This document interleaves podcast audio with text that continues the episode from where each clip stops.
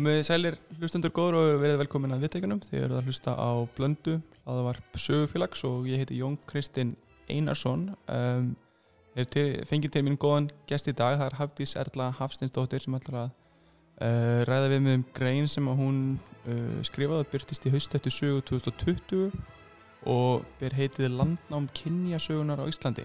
Um, en þar uh, leggur hún út af grein sem Margret Guðmundsdóttir skrifaði uh, byrtist í sögu um síðustu aldamót sem hétt Landnám kvennasögunar uh, og uh, já, við ætlum að spjalla eins um þetta. Hafdís, verður velkomin. Þakka að kellaði fyrir.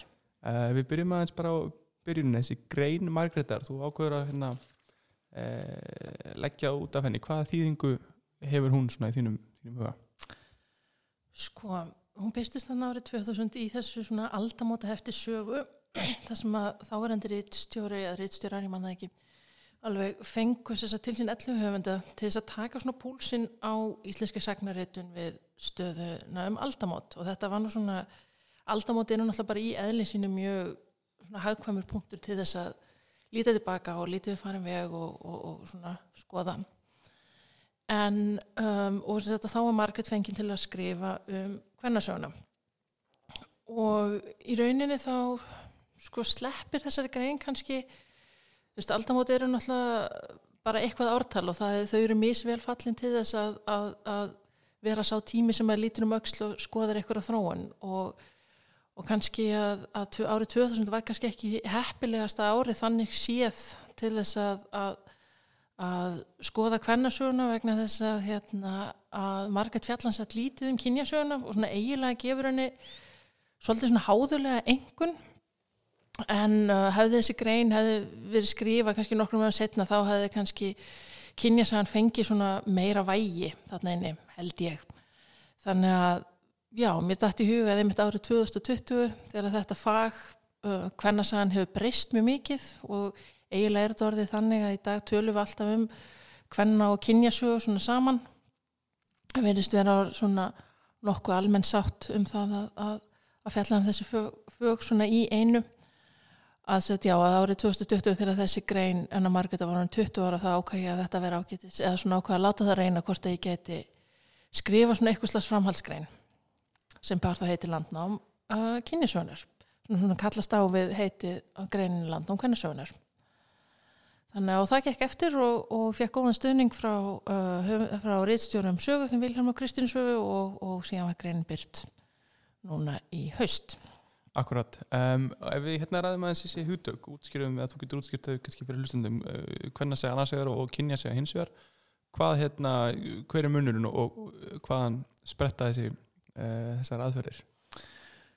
Um, hvað var það munin þá held ég að fari kannski svolítið eftir hvern þú spyrð. Ég held að sé að það er ekki tilnitt einhlít uh, skilgreining og á, hvað, ný, á þessu er ekki nýfskörp skil. Og, og þetta rennur oft saman og, og svona eitt útlokkur ekki annað.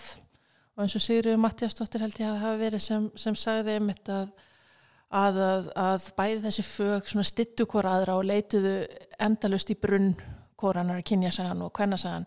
En ef við byrjum að byrjunni þá er kvennasagan náttúrulega bara eins og heitið byrjið för með sér uh, svona saga kvenna og hún sprættir innu upp uh, svona sem sem fag, bara sem hluti af annari bylgi feminismans uh, það var náttúrulega orðið löngu ljóst að uh, svona hefðbundin sagnaritun var meira meina karlan að skrifa um aðra karla. Og, og þá var það náttúrulega sem hluti af þessari rótæku uh, uh, reyfingu sem annarbilgi feminisma var þar sem var verið að skoða svona í kjölinn hvernig og af hverju samfélagið er eða var eins karlægt og það var að það var sagnaréttunum sjálfsögðu og það er svona í kringum, er kringum 1960-70 já, já, já, fyrir ekki. okay, yes. og hérna og þá sett sprettur þessi hugmyndum hvernarsjóna fram þetta er náttúrulega soldið að einhverju liti einföldu sögurskoðun sem stundum svona, vegna þess að oft talað um svona feminisman í þessum bylgjum, fyrst kom fyrsta bylgjan, þannig um alltaf móti 1900 sem snýrist um kostningaréttin og síðan önnur bylgjan um, um sem sagt þannig 1965 til 70 fram á nýjönda áratögin og síðan eitthvað þriðja bylgjan núna um síðustu aldamót, hvort sem hún sé búin eða ekki. En þó þessi bylgjuhugsun áttu sér rauninni uh, hendu hækja eða hjálpatæki til þess að skilgreina og henda reyður á þess að sögu þá áan alltaf til að, að svona uh, móka yfir eða gera ósynlega allt það sem gerist þarna á milli. Og það verður um, mjög mikilvægt að hafa í huga þegar að tala um hvernasögu að það hefur, konur hafa alltaf verið að skrifa sögur um aðrar konur og, og leitast við að, að, að uh, hérna, skoða formaði sínar og, og skrifa sögu þeirra eins og Erla Hulda Haldastóttir hefur bent á til dæmis. En ef við tölum um svona hvernasöguna sem reyfingu þá spratt hún kannski upp þarna í kringum svona uh, 68 bylginu þá fyrst í bandaríkjunum og síðan svona breytist hann út og, og til Evrópu og, og Íslands. Og hugmyndin var þá af hverju er bara hvenna ekki getið í henni höfbundni sagnaréttun, af hverju eru þær ekki sögulegi gerendur, af hverju eru þær uh, óvirkir uh, áhörvendur ef þá það er þá minnst áður á annar borð.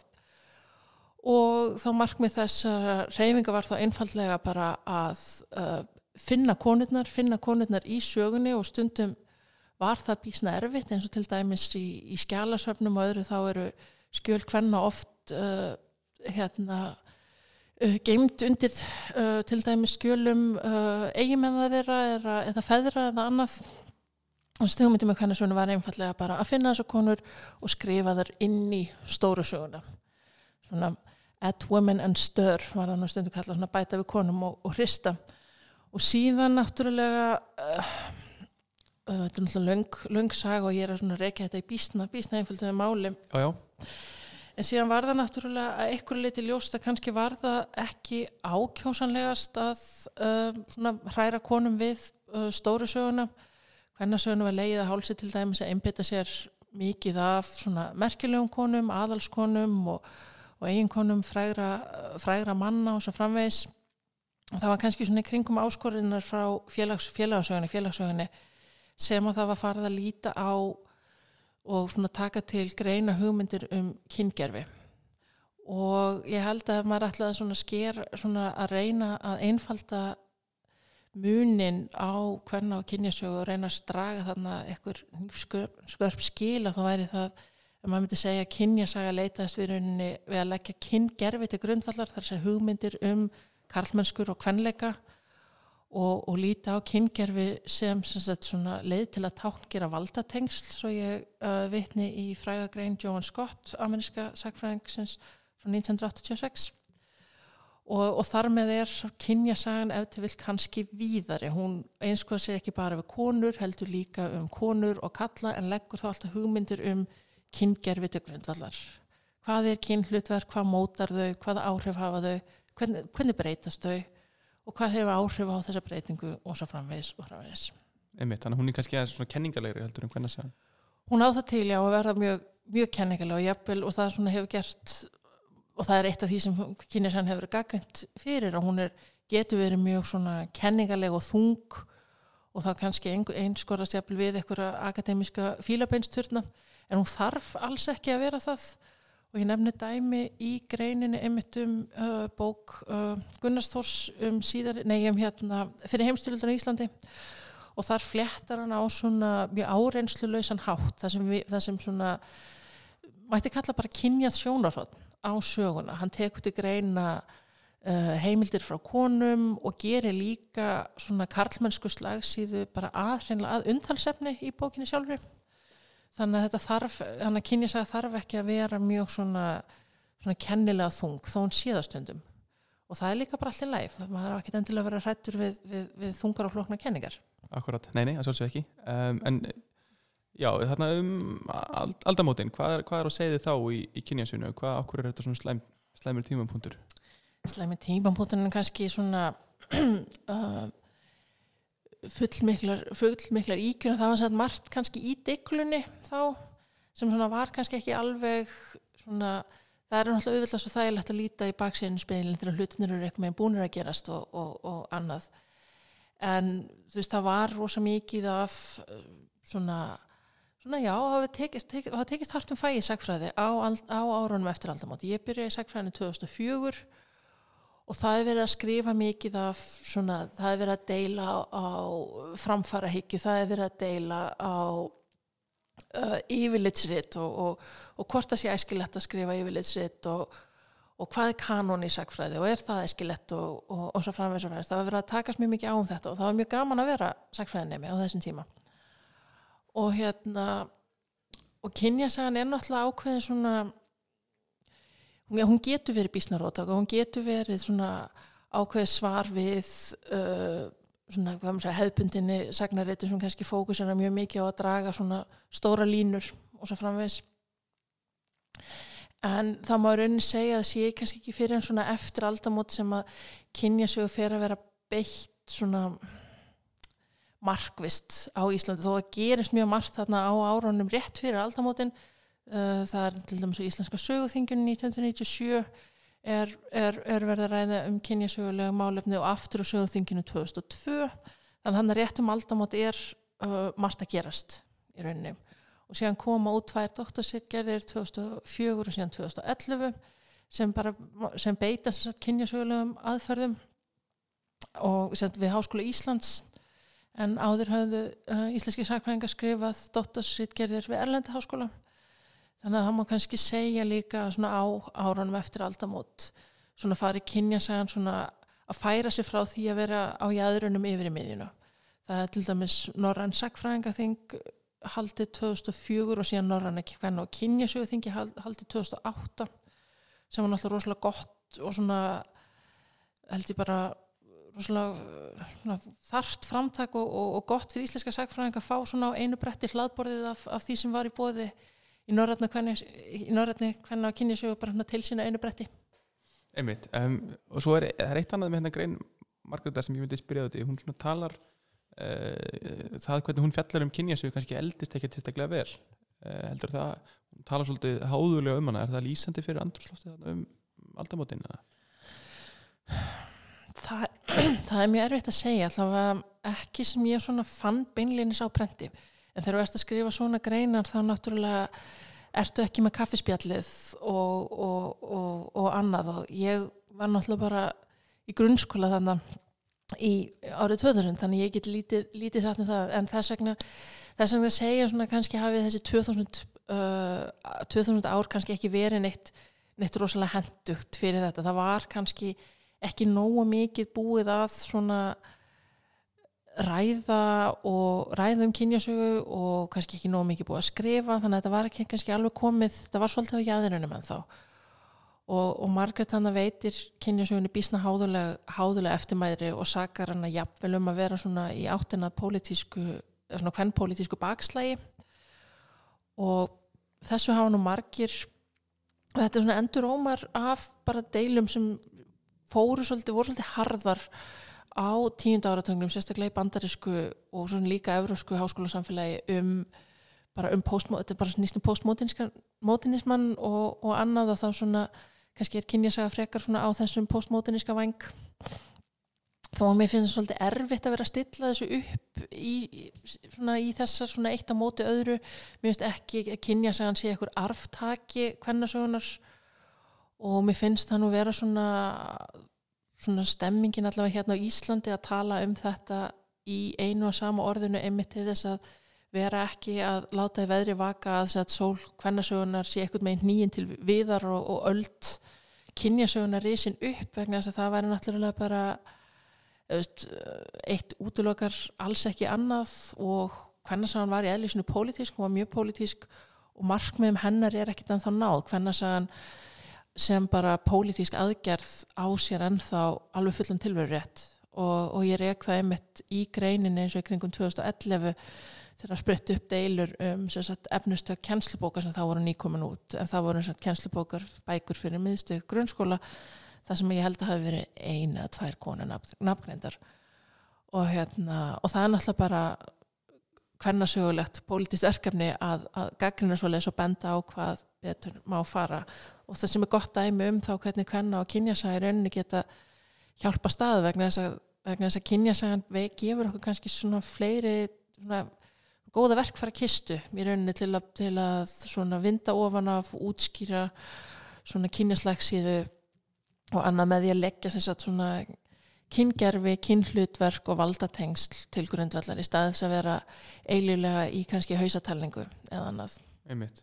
Og kynja sögufræðingum er svona stundum leið að holds verið það að fjalla aðalega um konur en kannski það hefur einmitt verið gróska í hinnu líka hérna undan farna ára tíu. Það eru uh, farið að fjalla um sögu kalla líka á, á kynja sögulegum fórsendum. Að sjálfsögðu og það líka það er, það finnst mér mjög, er mjög mikilvægt verkefni og ég nefnir sem dæmi uh, æfisögu eða eina af æfisögum uh, Jón Sigurssonar fósetta sem Pál Björnsson skrifaði. Jón Sigursson allir sem hefst á Jærða fyrir Jóns. Það eru líklega fáar æfisögur sem byrja þar. Þar beitir hann mjög markvist uh, kynjasögulegu sjónurhóttni til þess að greina ímynd Jóns sem er náttúrulega svona erkikarl uh, Ísland á, eða svona já, íslenska sjálfstæðisbaráttu og, og, og svona ímyndar Íslands eiginlega, einn af þeim og þá sér maður í rauninni að það eru ekki bara með einn konur sem eru kynsitt. Karlar eru það líka. Og kyn var mjög miðlagur þáttur í sagt, ímyndasköpun Jón Sigurssonar og ég nefni annað dæmi greininni sem er Hannes Hafstein.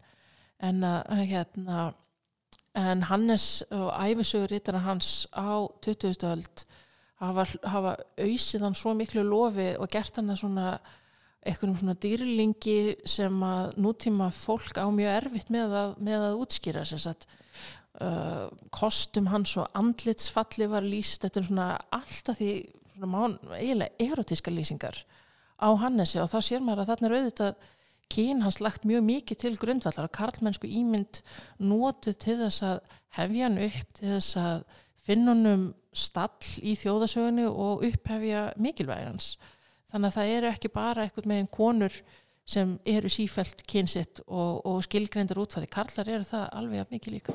Einmitt, en þú varst hérna áðan að tala um svona ákveðin núning millir kvennasögu og, og kynjasögu. Um, hafa þessar tvær greinar aðfyrir uh, hvernig hefur sambúðir að verið núna síðustu tóra áratíu á 2000-aldinni kvennasögunar og, og kynjasögunar Þetta er stór spurning sem er erfitt að svara. Ég ég held allavega hérna á Íslandi þá hafi eh, verið svona eindregin kannski tekið svo afstæða svona hjá flestum að eitt útloka ekki annað. Þess að fræðigræna styðja hver aðra og geti leita, segja eigi svona síkvíku sambandi þar sem að leiti stöðut í brunn hver annar og ég held að þetta sé nú svona uh, líka svona algeng afstæða annar staðar, ég til dæmis tók masterskráði í háskólunum í Vín og þá einmitt í hvenna og kynjasögu það var það sem að þessi, þessi námsbreyt hétt þannig að ég held að það sé að það var kannski að mörguleiti holdt að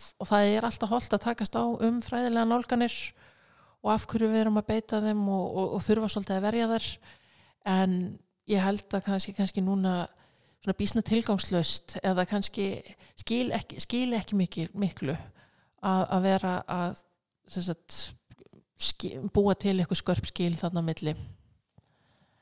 En það er þetta svona, já, það stiðja hver aðra. Og, og að mínum að þetta er svona eiga að gera það. Einmitt, þannig að það er kannski komið á gett jafnvægi bara í þessu öllu saman. Já, ég held það. Einmitt. En sko, en ef að kynja segja hann er komin út í, í meintrömmin og það er komin hérna uh, staða hérna, ég lemmis í háskólanum í, í hvernig á kynja sögu, hvaða þýðingu hefur það fyrir uh, fag eða rannsóknaraðferð sem að svona er kannski eðlisinu smá svona punguð og rótæk eh, er ennþá, ennþá eitthvað edds í, í kynjasögunni? Ég er rétt að vona það, það kemur óvart og svo verið ekki um, það að þessi komið komin til dæmis staða í háskólanum og annað það kannski veist það er að vissuleiti því fylgir vissulega einhver, einhver stofnarafæðing en því fylgir jú líka einfallega eh, að að þessi aðferð, þessi sjónarhóttn verður útbreytara og það er til dæmis líka bara einn af, ein af stóra megi markmiðum hvernasögnar í rauninni bara að finna, finna konur uh, útskýra hlutverkar að finna um sess í sögunni ekki líta á það sem passífa þólendur heldur aktífa gerendur. Og í rauninni þú veist og beita svona þessum þessum, þessum kynjuðu hugtökum til sögulegar greiningar sem að ég held að sé uh, er afskaplega frjónálgun og getur leitt, uh, leitt mann mjög víða þannig að ég held að sé bara einmitt að það sé svona já, svona ein, ein, ein, eina hennu svona hvenna, hvenna sögur pólitíska markmiði er líklega náð þegar það farið að, að kenna þetta í háskólanum í nefni sem dæmi þegar ég var að byrja í grunnámi að þá var uh, einn áfangi í bóði sem hér held ég konur og pólitík og hann var akkurat í bóði þegar ég var í skiptinámi Já, einmitt. þannig að einu hérna, kynni mín af þessari nálgun var ein grein í uh, það sem hétt aðferði 2 Já, þannig að meira var það nú ekki þá akkurat. Akkurat, já, einmitt, ég held að þetta sé rætt. Ég byrjaði sjálfur í sagfræði 2016 og ég held að mín upplifun af svona frambóði og svona násefni hafi verið allt, allt önnur en þín, þannig að það er, það var, það var mikla breytingar á sér stað. og hratt og það er líka bara alveg frábært þannig að þarna maður sér maður kannski í, í grunninn hvaða að, að, að nemi sem byrjar 2004 og nemi sem byrjar 2016 hafi gjör ólíka uh, upplifun á, námsframbóði hvað þetta var þar Uh, aðeins um bara svona, uh, hvað maður að segja, format greinarinnar. Þetta er svona sagnarreitunarlega grein. Það eru ekkert oft. Man alltaf skrifar heill haugur að um aldamótin í þessu fræga aldamóthefti. Um, en af hverju heldur þessi mikilvægt að skrifa svona greinar sem að taka fyrir uh, kannski ekki endilega skjöl og skjálasafni heldur svona hræringar í sagfræðinni og, og sagnarreitun. Þetta er stór spurning. Mér finnst að hefur alltaf myndist svona greinar alveg óbúslega spennandi og skemmtilegar. Uh, það finnst það kannski ekki öllum, það kannski um, 2020 hefði nú alveg verið ár til þess að kannski líta tilbaka eða ekki og, og, og skoða sagnarritun á fyrstum, sagnarritun á nýru öld, það kemur kannski næst við næstu áratögamót, hver veit. En um, ég held til dæmis eins og núna bara það sem við erum uh, stöðut að, að hérna, glíma við eins og þess að frægu upplýsingaóreiðu sem dynur á okkur og, og fölskufréttinar og allt það, að það sé mjög mikilvægt að vera meðvitaður um hvernig við segjum söguna, hverju segjana hvaða, hvaða aðferðum, hvaða sjónarhóttni er beitt og svo framvegis. Ég, mér er bara mjög uh, ofalega huga til dæmis í kringum hruni 2008 að ég var sem 23 ára þá og, og hrunið var náttúrulega eins og fyrir það var náttúrulega sjokk fyrir okkur öll en ég held kannski fyrir okkur sem vorum svona rétt að skrýða á fullorins ár þarna hafi þetta verið um, mjög erfitt þess að þarna var eitthvað kerfi svona kringumann sem var búin að alast upp að, að trúa að treysta og það hrundi og það hrundi mjög snögt og ég man bara eftir, eftir sko átökunum og maskinunni sem fór í gang um að endur segja þessa atbyrði og ég held einhvern megin að, að þetta myndi ekki þetta myndi ekki eiga sér stað, ég held að þetta myndi ekki eiga sér stað að það er kallað svo kallaða bankarhunnið og, og allar þessar rángfæslur sem í rauninni spruttu upp en urðu síðan hluti af einhverju narratífi einfallega það, vegna þess að það voru sagðar svo oft. Og þetta gerðist svona, svo að segja eiginlega fyrir augunum á mér. Og meðan ég var að hluta til í sagfræðin á mig þannig ég held að sé bara mjög mikilvægt að við séum svolítið duglega að skoða hvað Þarna, hvernig við erum að segja söguna og hvaða sjónarhóttni við erum að beita vegna þess að það er að sjálfsögða alltaf nútíminn sem ræði því hvaða, hvaða efni í fortíðinu við erum að taka til endurskoðunar. Þannig að og mér finnst sjálfsögða að íslensk, íslenski sagfræðinga mættu vera dugleiri við það. Nú veit ég hvernig það verður þú varst í, í náminu 2016 en, en flesta svona uh, greinar um, um sögu sagfræðinar og aðferði og historiografi og annað voru, voru ellendar þá þannig að Einmitt, einmitt. Þannig að það er kannski svolítið ábyrð þeirra sem hafa þekking og yfirsinni yfir til, til en tímanbúlu fræðsvið að e, miðla ekki bara sögunni og hérna um, frumheimildunum heldur líka e, sagnaritinunni. Alveg klálega og þá er það náttúrulega þú, þú, þú sagður á hana þeim sem hvað sagður, bera ábyrð á nei, sem Þeir sem hafa þekking og yfirsinn. þekking og yfirsýn nákvæmlega, það er náttúrulega rosalega svolítið erfitt að, að að setja, setja sig í þann stól og, og hérna segja, ég hef, nú, ég hef sjálf nógu mikla þekking og yfirsýn til að að taka þetta fyrir, þetta er svona þetta er svolítið hérna, yfirþyrmandi efni, en það þýðir ekki að við eigum ekki að vera óhrætt við að takast á það. Já, einmitt, einmitt. Og þetta er kannski svolítið, einmitt, nefnir þetta, sko, hvernig við vinnum maður svona grein? Er þetta, eh, þú getur ekki, getur ekki sest niður og skjálansat með ösku og, og hérna, pært í gegnum hana. Þetta, þú verður að leita að fanga svolítið víða.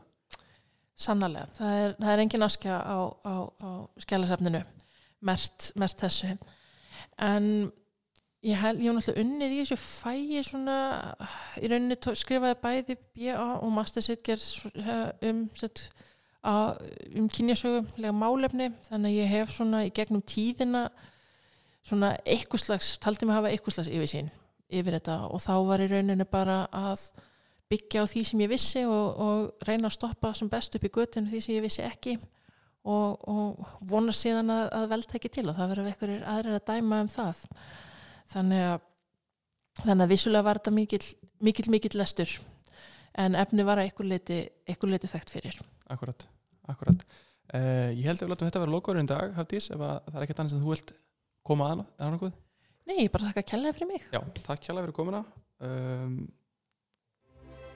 Ég, Jón Kristjánsson, þakka fyrir mig að sinni. Uh, farið bara og lesið sögu lesið um landnám kynjasögunar og uh, gerist áskrifundur ef þið hafið það ekki gert það nú þegar. Það er að hafa samband á sögufélag.sögufélag.is til þess að gerast meðlumur í sögufélagi og þá jafnframt áskrifandi á sögu og þá fáið þið alls konar fríðindi meðan annars 20% afslátt af bókum sögufélags. Þannig að kíkja á það. Takk fyrir